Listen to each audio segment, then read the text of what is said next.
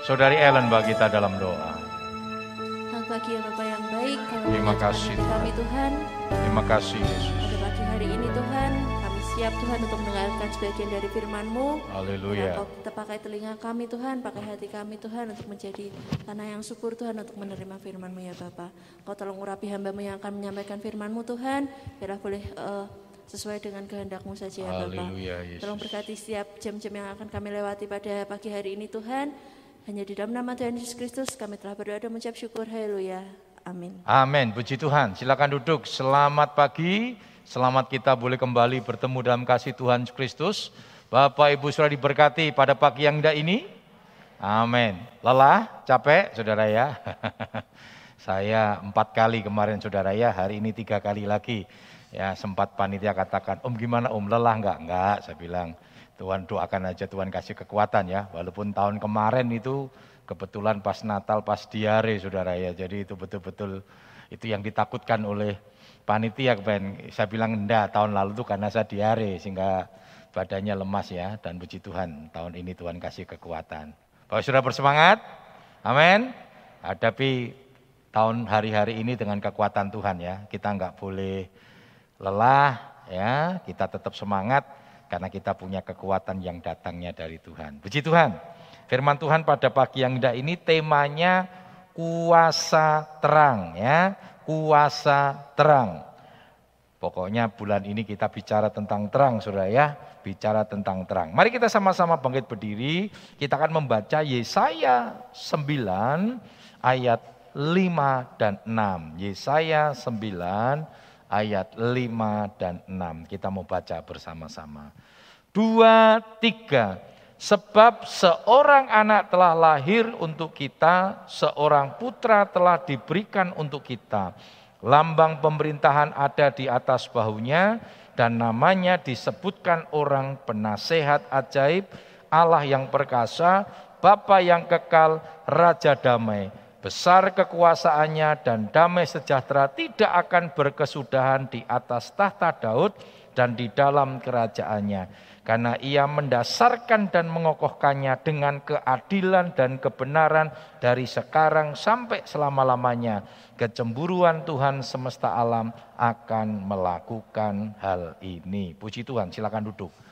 Ayat ini masih dalam rangkaian ayat Yesaya 9, ayat yang pertama yang kemarin kita sudah baca dikatakan bangsa yang berjalan dalam kegelapan telah melihat terang yang besar. Siapa itu terang? Terang ini dikatakan adalah ayat yang kelima seorang anak telah lahir bagi kita.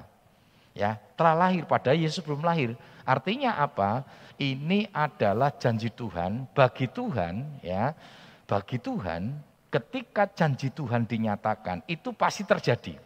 Ya, itu pasti terjadi. Ya, maka dikatakan seorang anak telah lahir untuk kita dan namanya disebutkan. Nah, namanya disebutkan. Jadi bukan namanya ini bukan sudah, tetapi namanya disebutkan kenapa? Karena fungsinya. Banyak Agus di GPD Siloam Saudara. Mereka biasanya disebut masing-masing ya. Agus Pendeta, Nenda Agus Gembala itu saya Saudara ya. Agus bengkel lah Pak Roto saudara ya. Agus ayam goreng itu Pak Agus Tuntang saudara. Semua banyak Agus saudara ya. Dulu Agus kepala ikan ya, saudara. Jadi nama Agus itu banyak saudara. Teman-teman suka ngeledek. Pak Agus ini meneng-meneng gaweannya oke saudara ya. Ayam goreng, kepala ikan. Lalu pada waktu mau masuk di Kutuarjo ada Hotel Agus namanya. Waduh, dia bilang wah kamu investasi hotel di sini toh saudara. Nah saudara sebutan itu karena apa? Karena fungsi. Ya, karena fungsi, karena pekerjaannya, karena karyanya. Nah, dikatakan di sini namanya disebutkan orang apa? Penasehat ajaib, Allah yang perkasa, Bapa yang kekal, Raja damai. Nah, kehadiran Yesus itu luar biasa. Seperti di dalam Matius 1:23 dikatakan apa? Namanya akan disebut Immanuel. Nah, Immanuel sudah. Jadi itu bukan namanya Yesus itu Immanuel. Tetapi orang akan menyebutkan karena karyanya. Apa itu? Allah beserta dengan kita. Nah inilah kuasa dari terang itu saudara. Yang pertama apa? Dikatakan dia disebut penasehat ajaib. Ya, penasehat ajaib ini konselor saudara. Ya, konselor. Coba kita lihat di dalam 1 Korintus 10 ayat yang ke-13.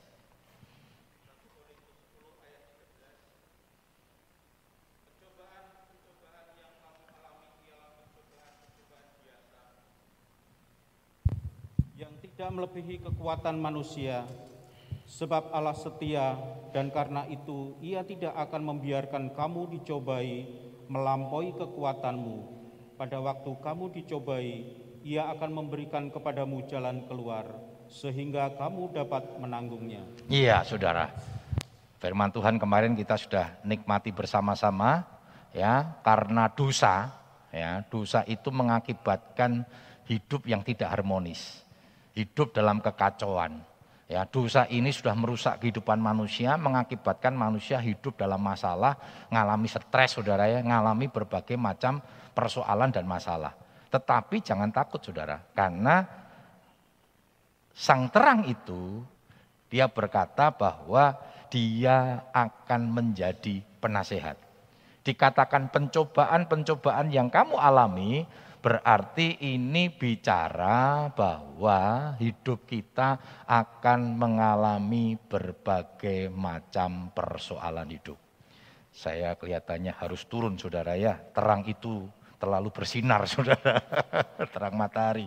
ya. Nah dikatakan tadi bahwa kita akan menghadapi berbagai macam persoalan. Tetapi Alkitab menjanjikan kepada kita bahwa kuasa terang itu akan mengatasi setiap persoalan hidup kita. Dikatakan pencobaan-pencobaan yang kamu alami adalah pencobaan yang biasa. Makanya jangan pernah berkata, waduh persoalanku berat. Ya, persoalanku dahsyat. Jangan lupa saudara, Allah kita lebih dahsyat. Persoalan bisa segede gunung, tetapi kuasa Tuhan lebih besar daripada gunung. Dan fakta membuktikan saya selalu berkata fakta membuktikan karena Alkitab selalu memberikan fakta itu. Ya, tokoh-tokoh Alkitab, apa sih yang mereka tidak hadapi yang terlalu besar? Ada Ayub, ada banyak sekali tokoh-tokoh yang menghadapi berbagai macam tantangan di tengah apa yang dia terima, berkat yang dia terima dari Tuhan, tetapi persoalan itu selalu datang. Makanya ini datang sama kita. Pencobaan-pencobaan yang kamu alami adalah pencobaan yang biasa. Dan senang tidak senang hidup kita memang harus ada di dalam persoalan-persoalan itu. Karena dosa itu sudah menguasai, dosa inilah yang mengakibatkan kekacauan, ketidakharmonisan itu. Makanya firman Tuhan katakan apa dalam kitab Wahyu 14:13. Berbahagialah orang yang mati dalam Tuhan, sebab sejak hari ini dia akan dilepaskan dari setiap jerih lelah. Artinya apa? Ketika kita masih hidup di dalam dunia, berarti kita akan diperhadapkan dengan berbagai macam persoalan hidup. Tetapi janji Tuhan saudara. Jadi Tuhan tidak pernah berjanji begini. Oh kamu ketika percaya sama Tuhan kamu kan dilalukan dari setiap persoalan. Enggak ada saudara. Nanti kalau kita membaca Ibrani 11 itu membuktikan kepada kita bahwa hidup tokoh-tokoh pun Kenapa dikatakan saksi-saksi iman? Karena mereka hidup dengan berbagai macam persoalan dan persoalan kita itu berbeda-beda. Ya, persoalan kita berbeda-beda. Ada yang tidak punya persoalan hidup, Hidup itu penuh dengan persoalan, saudara. Betul ya? Hidup itu penuh dengan persoalan. Ketika kita dilahirkan, ya, pada waktu orang tua kita menikah, gitu saudara ya. Saya kira percaya ketika menikah pengen punya keturunan, ya, walaupun ada yang tidak diizinkan memiliki keturunan, ya semua kembalikan kepada Tuhan, saudara. Saya mau tanya, saudara, punya anak masalah nggak, saudara? Halo, punya anak masalah? Masalah, toh. Punya anak masalah. Nggak punya anak? Masalah, toh. Masalah. Nggak punya anak masalah. Tapi begitu punya anak, masalah. Ya, bagaimana merawat, jaga, meh ngelahirke. Masalah nggak, saudara? Masalah. Ya, banyak teman-teman hamba Tuhan yang sempat datang, saudara ya Om, istri saya di rumah sakit, Om melahirkan Om. Tolong Om, enggak bisa keluar loh, ya toh. Pernah saudara ya minta bantuan, ya sudah saya kasih bantuan saudara. Kurang. Saya bilang ya pokoknya ini yang dapat saya berikan. Dia ngomong begini, Om kan pimpinan pimpinan, nggak malu toh. Kalau sampai ada hamba Tuhan Jawa Tengah yang nggak bisa keluar rumah sakit gara-gara nggak nggak ada duit. Saya yang ditekan saudara. Saya bilang begini, kamu yang enak, saya yang harus bertanggung jawab saya bilang. Masalah sudah dan enggak cuma itu banyak sekali ya masalah. Banyak sekali sudah ya. Lalu anak itu lahir, sudah ya. Masalah enggak? Masalah. Untuk menghidupi anak ini kan kita perlu, sudah. Makanya saya harus katakan begini, kita tidak hanya bertanggung jawab untuk melahirkan anak, tetapi kita harus bertanggung jawab untuk mendidik anak itu. Jadi menikah jangan cuma dengan iman, saudara. Perhitungan. Nanti punya anak, bagaimana kita memelihara anak itu? Ya, Bagaimana memelihara anak itu? Kita bertanggung jawab dan percaya sudah. Kalau kita orang-orang percaya, Tuhan tolong kok. Kami ngerintis saudara. Tetapi kami terlalu percaya kepada Tuhan. Tuhan akan tolong dan kami bertanggung jawab. Artinya kita bekerja dengan baik untuk Tuhan. Dan Tuhan pelihara. Dan saya bersyukur saudara. Ya, Walaupun kami ngerintis, tapi Tuhan pelihara hidup kami. Anak-anak kami bisa sekolah di sekolah-sekolah yang cukup favorit. Sampai ada teman ngomong begini ya, bagus. Karena masih ngerintis saudara. Karena itu sekolahnya high class saudara. Sekolahnya high class. Lalu dia bilang, bagus. Kok berani sekolah di situ? bayarnya larang. Ya, sing ono sponsor ya, oh, sponsornya cuma satu Gusti Yesus saya bilang. Tuhan Yesus yang menjadi sponsor kita. Ya. Saudara selalu ada jalan keluar. Kan firman Tuhan katakan, Tuhan akan memberikan jalan keluar. Tapi jalan keluarnya izinkan Tuhan yang membuat jalan keluar. Seringkali kita tidak pernah merasa Tuhan berikan jalan keluar karena konsepnya ada di jalan keluar itu kita sudah konsepkan sudah. Enggak boleh. Rancanganku bukan rancanganmu. Seperti waktu saya kuliah di Jakarta dulu saya berdoa sama Tuhan. Karena saya terlalu yakin Tuhan sanggup memberikan sudah. Saya minta motor sudah. Karena kuliah saya harus naik bus ya dan sudah tahu di Jakarta itu bukan bus yang cari penumpang, penumpang cari bus sudah. Jadi kalau mau naik itu wah lari-lari sudah. Wadah bus lari-lari sudah gitu masuk uyek-uyek kan untel-untelan. Ya, dan saya ini paling tidak bisa apa berkerumunan gitu saudara. Makanya saya bersyukur saudara ya. Jadi pandemi tidak boleh kerumunan. Nah, saya bersyukur saudara. Uyek-uyek apa ya bahasa Jerman tuh uyek-uyekan saudara. Wah, berdesak-desakan itu. Saya bisa orang seperti orang bingung saudara. Sampai seperti orang bingung gitu. Waduh saya nggak bisa. Makanya kalau di bus Jakarta saya udah naik, saya di pintu aja sudah Kan biasa gitu ya, yang dari depan, ayo tengah, tengah, tengah kosong. Dari belakang, ayo tengah, tengah kosong. Diempat sudah di tengah. Masukin jejel terus. Pokoknya saya udah di pintu, diem aja udah di situ. Sudah. Karena kalau gitu mabuk sudah. Nah, saya berdoa sama Tuhan, Tuhan tolong saya minta motor motor. Dan belum dijawab-jawab. Tiga bulan nggak dijawab. Lalu satu kali karena ada demo, busnya demo sehingga bus yang menuju ke jurusan saya kuliah saudara tidak berangkat. Lalu omnya istri saya ya Pak Le gitu, dia katakan sama Ika ya, karena waktu itu saya harus balik lagi karena eh, apa namanya saya tidak tidak dapat bus. Eh pakai motor aja, motornya motor kuno sudah. Binter GTO. Wah itu kan kawas eh kok ya Binter ya. Itu kan kuno sudah ya, sudah kuno. Saya naik sudah. Eh pakai aja, pakai aja gitu. Sudah saya pakai sudah. Lalu waktu saya kembalikan, udah Gus pakai aja. Daripada om, om juga nggak pakai sudah. Om nggak pakai. Jadi pakai saja. Nah saudara, saya bersyukur sudah, saya boleh pakai motor itu gitu loh. Tapi saya masih berdoa, Tuhan saya minta motor. Ya, bukan pinjaman tetapi motor yang Tuhan beri.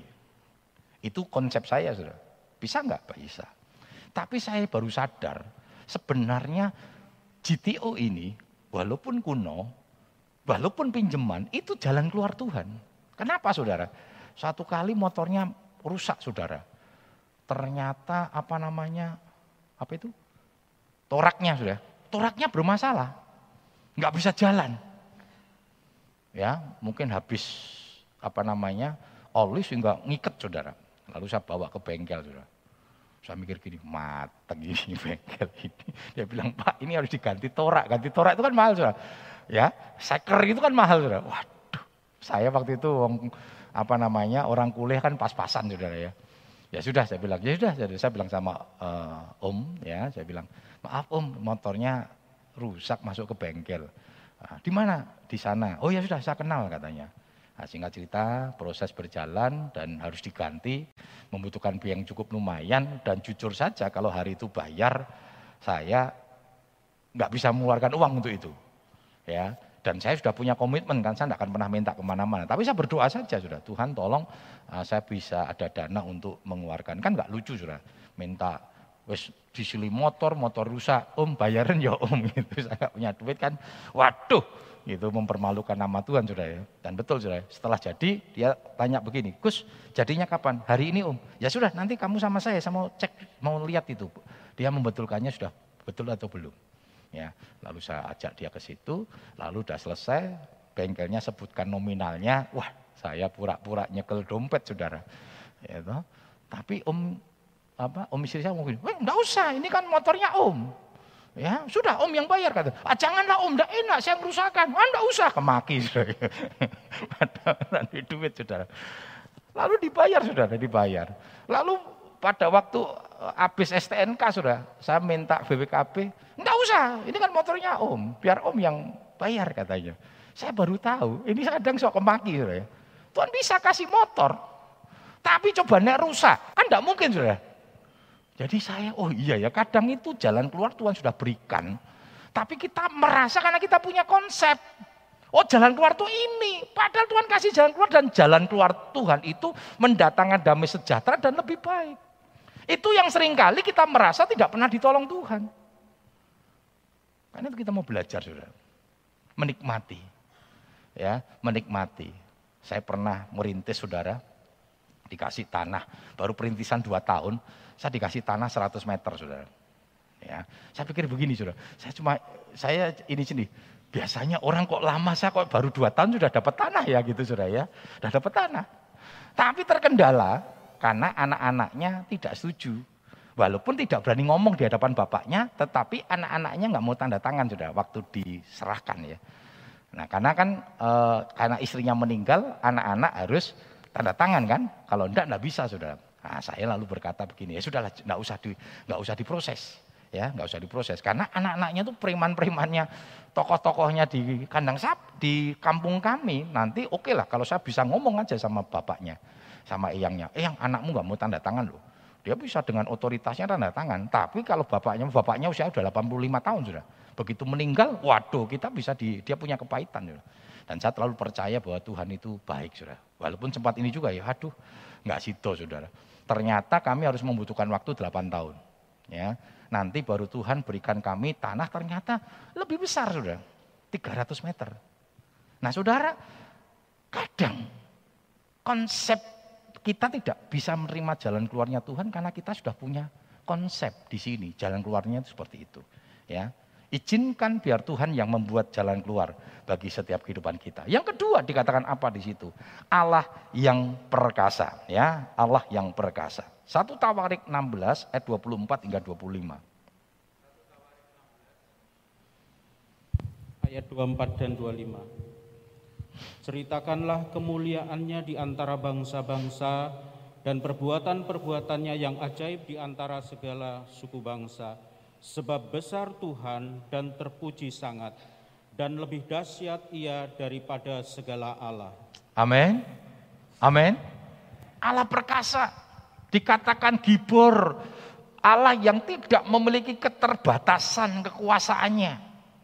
Jadi jangan pernah takut ketika engkau menghadapi hal-hal yang sangat luar biasa, sangat dahsyat karena Allah kita Allah yang perkasa, lebih hebat daripada segala Allah Allah kita luar biasa. Mari kita menikmati keperkasaan Tuhan. Jadi kalau memang pandemi Tuhan itu terlalu mudah, saudara, terlalu kecil. Karena pandemi Tuhan izinkan. Ada dalam rancangan prosesnya Tuhan. Nikmati, saudara. Hanya untuk memelihara hidup kita. Serahkan hidupmu pada Tuhan. Kita tak tidak tahu bagaimana masa depan anak-anak kita. Ya, apalagi pandemi ini. Anak kita harus kuliah tahun depan. Saya pernah sampaikan tuh. Ketika kalau kita menghadapi kondisi itu, secara hitung-hitungan kalkulator kita tidak mungkin mampu menyekolahkan anak kita, mengkuliahkan anak kita. Jangan panggil anakmu lalu berkata, nak, kue rasa kuliah yo, bapakmu ora mampu, kue anak wong randuwe. Jangan saudara, itu nyakiti hati Tuhan saudara. Saudara anak orang kaya? Amin. Lu bukan karena sombong, bukan karena itu kaya wong pengharapan. Memang Allah kita kaya kan, dikatakan Tuhan memberkati kita dengan kelimpahan. Apa arti kelimpahan? Stok berkat kita di surga tidak akan pernah berkesudahan. Panggil anakmu. Nah, walaupun bapak randu duit, neng gusti sugih. Tuhan kita kaya, Allah kita perkasa. Kalau kamu punya niatan untuk kuliah, tidak ada yang mustahil bagi Tuhan. Amin.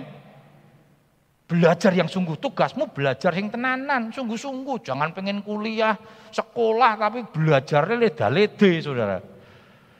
Katakan pada anakmu, percaya bahwa kuasa Tuhan itu dahsyat. Dan Tuhan bisa nggak tahu caranya bagaimana. Apakah lewat beasiswa dan sebagainya. Loh saya sudah bisa menyelesaikan kuliah saya, saudara. Sampai S3. Itu karena semua kemurahan Tuhan. Waktu S1 kita masih gerintis malah.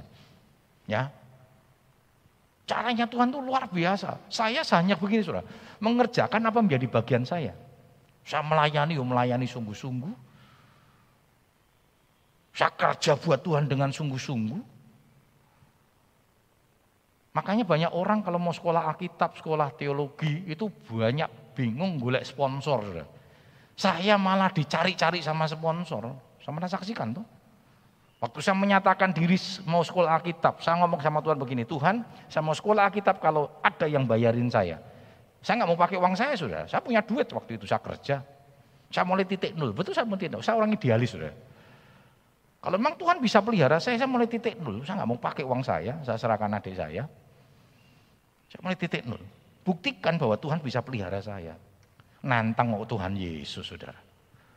Dan tidak ada yang orang tahu bahwa saya ini mau mau sekolah kitab karena saya pada waktu kerja dengan baik saya berhasil dalam pekerjaan saya di tengah-tengah teman-teman saya sudah mereka sehingga mereka tidak akan berpikir bahwa Wiki oh, mau sekolah kitab saudara saya punya tim namanya tim Dulos ya itu ada enam orang dua laki-laki yang satu waktu itu sudah sekolah kitab Bapak Pendeta Yakub yang sekarang melayani di GPDI Magetan sudah Nah saya waktu itu kita berenam, lima bekerja sudah, termasuk saya. Nah dalam doa, persetujuan doa gitu, kami banyak melayani orang-orang stres pada waktu itu. Tahu-tahu yang kakak-kakak perempuan ngomong gini, Gus, iki ki Yakub wis sekolah anu wis dadi pendeta. Kok kita merasakan, oh iki yo panggilannya pendeta. Padahal saya nggak ngomong sudah. Saya habis berdoa Tuhan kalau Tuhan beri sediakan saya sponsor untuk sekolah kitab, saya akan berangkat. Tapi saya nggak mau pakai uang saya, saya ngomong sama Tuhan. Nah saya bilang tadi, nek nantang sama Tuhan, golek tanda itu sing angel, saudara. Sing gampang-gampang. Kan saya berpikir nggak akan ada orang tahu, saudara. Tahu-tahu kakak-kakak ini ngomong begitu. Wes, engkau masalah biaya, tenang, kami yang tanggung. Loh, waduh, tak nambah meneh. Lah ini kan pergumulan saya, saudara. Saya hanya bilang begini, alah Oh, jadi pendeta itu ora gampang, panggilan. Sembayang sih gitu. Padahal saya sudah bergumul cukup lama itu. Dan akhirnya saya menyatakan oke okay, berangkat sekolah kitab. Tapi akhirnya bukan kakak-kakak saya yang mensponsori saya sudah. Karena ketika saya tahu mau jadi hamba Tuhan banyak yang oyak-oyakan sudah. Dan saya akhirnya sudah jadi apa? Sudah disponsori untuk kelas 1. Belum masuk kelas 1 karena ada yang mensponsori. Saya bilang gini, saya nggak mau curang sudah. Karena mereka uang sekolah tak bayarin. Nah kecuali Gus setiap bulan tak kayak semini, ah, tak tompo aja sudah ya. Tapi karena dia bilang uang sekolah, saya bilang uang sekolah sudah dibayarin, sudah ada Tuhan yang pelihara saya bilang. Tuhan tolong. Ya gini, nanti kelas 2 saya yang biayain. Wah sudah, belum kelas 1 belum mulai, kelas 2 sudah disiapkan sponsor. Bahkan sudah disiapkan sponsor untuk kelas 3, bahkan S1 sudah. Waktu saya mau masuk S1, sudah Tuhan siapkan sponsor untuk S2. Bahkan ada yang mensponsori saya untuk ke luar negeri, saudara. Saya bilang, enggak, saya cinta buatan Indonesia, saya bilang. Saudara, Allah kita Allah yang dahsyat. Karena itu jangan merendahkan, meremehkan Tuhan. Berapa banyak kita meremehkan Tuhan? Aduh persoalanku berat, Allah masalahku abot, terus iso diatasi. Saudara nyakiti hati Tuhan. Kita orang percaya, senantiasa ada dalam anugerah dan kasih Tuhan. Jangan takut saudara. Ya, Yang ketiga, Bapak yang kekal. Ya, Bapak yang kekal. Pengkhotbah 3 ayat yang ke-11. Pengkhotbah 3 ayat yang ke-11. Ia membuat segala sesuatu indah pada waktunya, bahkan ia memberikan kekekalan dalam hati mereka. Tetapi manusia tidak dapat menyelami pekerjaan yang dilakukan Allah dari awal sampai akhir. Berarti kan saudara, Tuhan kita itu Bapa yang kekal. Nah, persoalannya kita sebagai manusia itu tidak pernah tahu dalam kekekalan Tuhan. Kita terbatas dalam kekekalan Tuhan. Kita tidak pernah mengerti.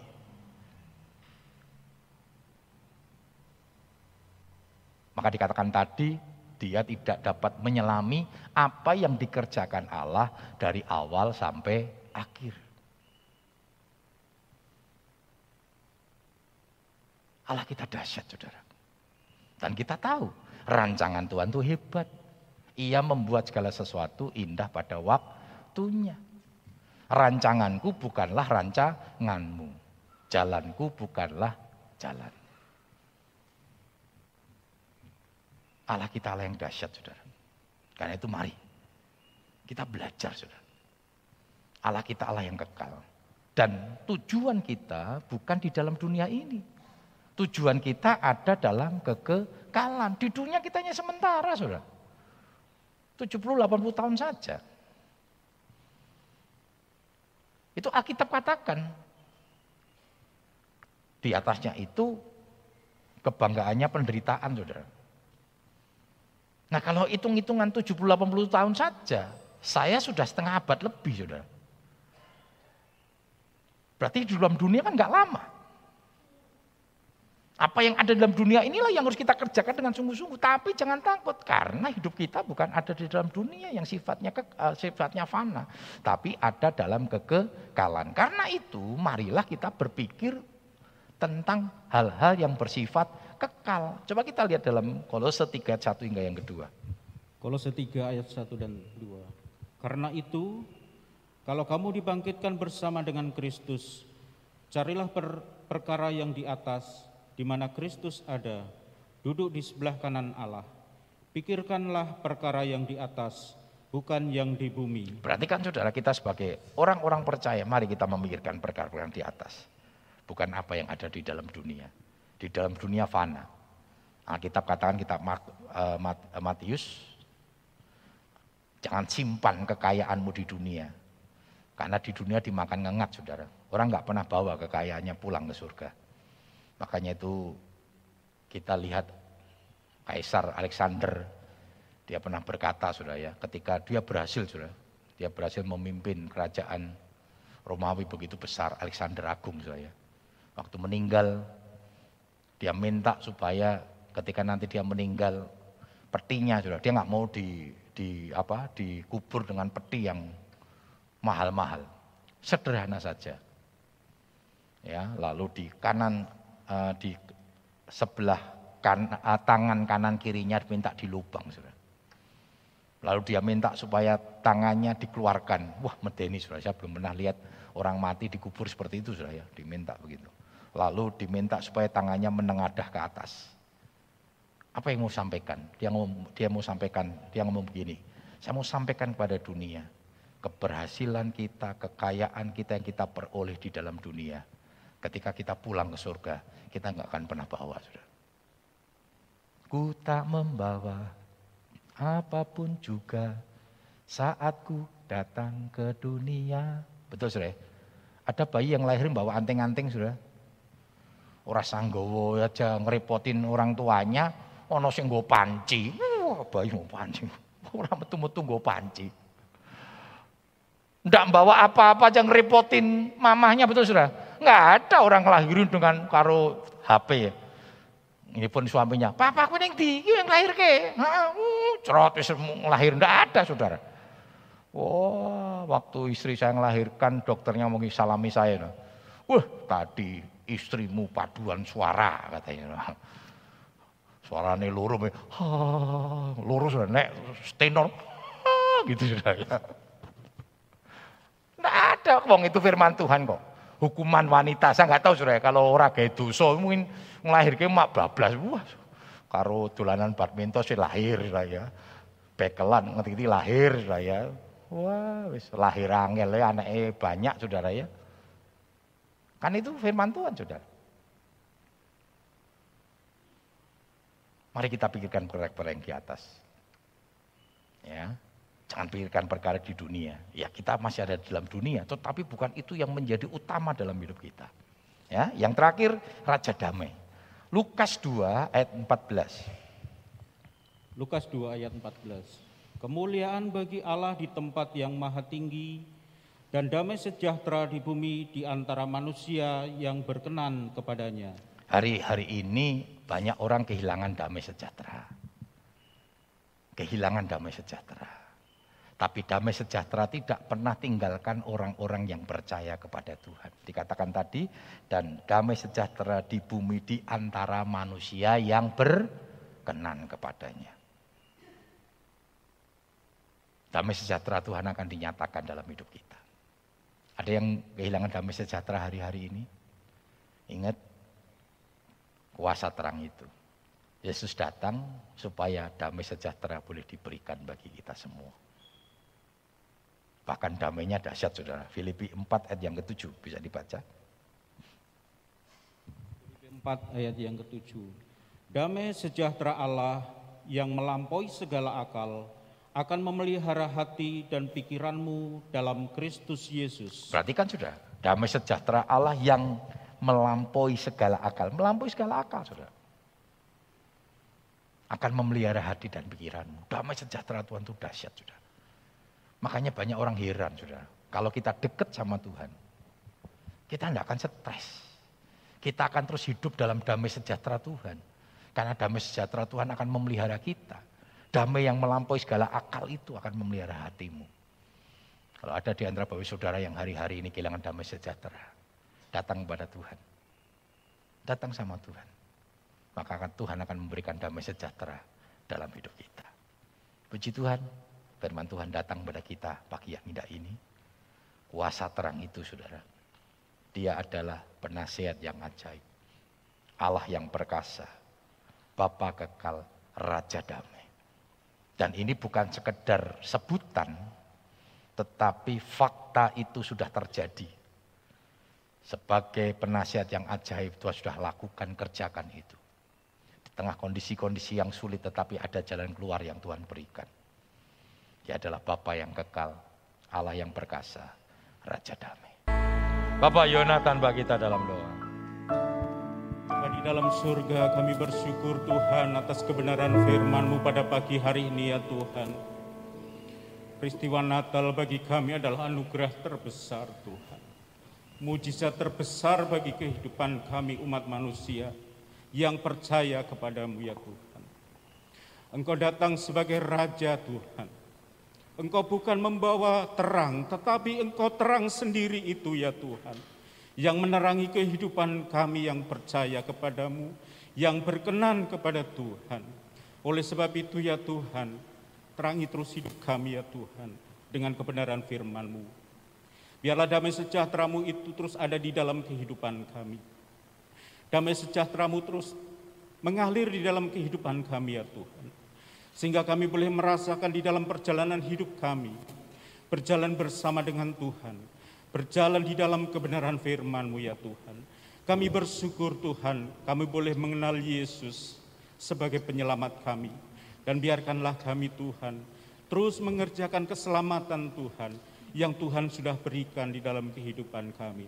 Terima kasih Tuhan, kami mau bawa firman-Mu terus di dalam kehidupan kami ya Tuhan. Biarlah berkatmu terus mengalir di dalam kehidupan kami. Hambamu yang sudah menyampaikan kebenaran firmanmu. Tuhan urapi terus di hari-hari yang akan datang Tuhan. Kuasai dengan kuat kuasa roh kudusmu Tuhan. Urapi dalam setiap pelayanannya Tuhan. Biarlah kuasamu bekerja atas hambamu. Kebenaran firmanmu yang terus disampaikan. Boleh menguatkan, meneguhkan iman kami sidang jemaatmu di tempat ini. Terima kasih Bapa di dalam nama Tuhan Yesus. Kami berdoa dan mengucap syukur. Amin.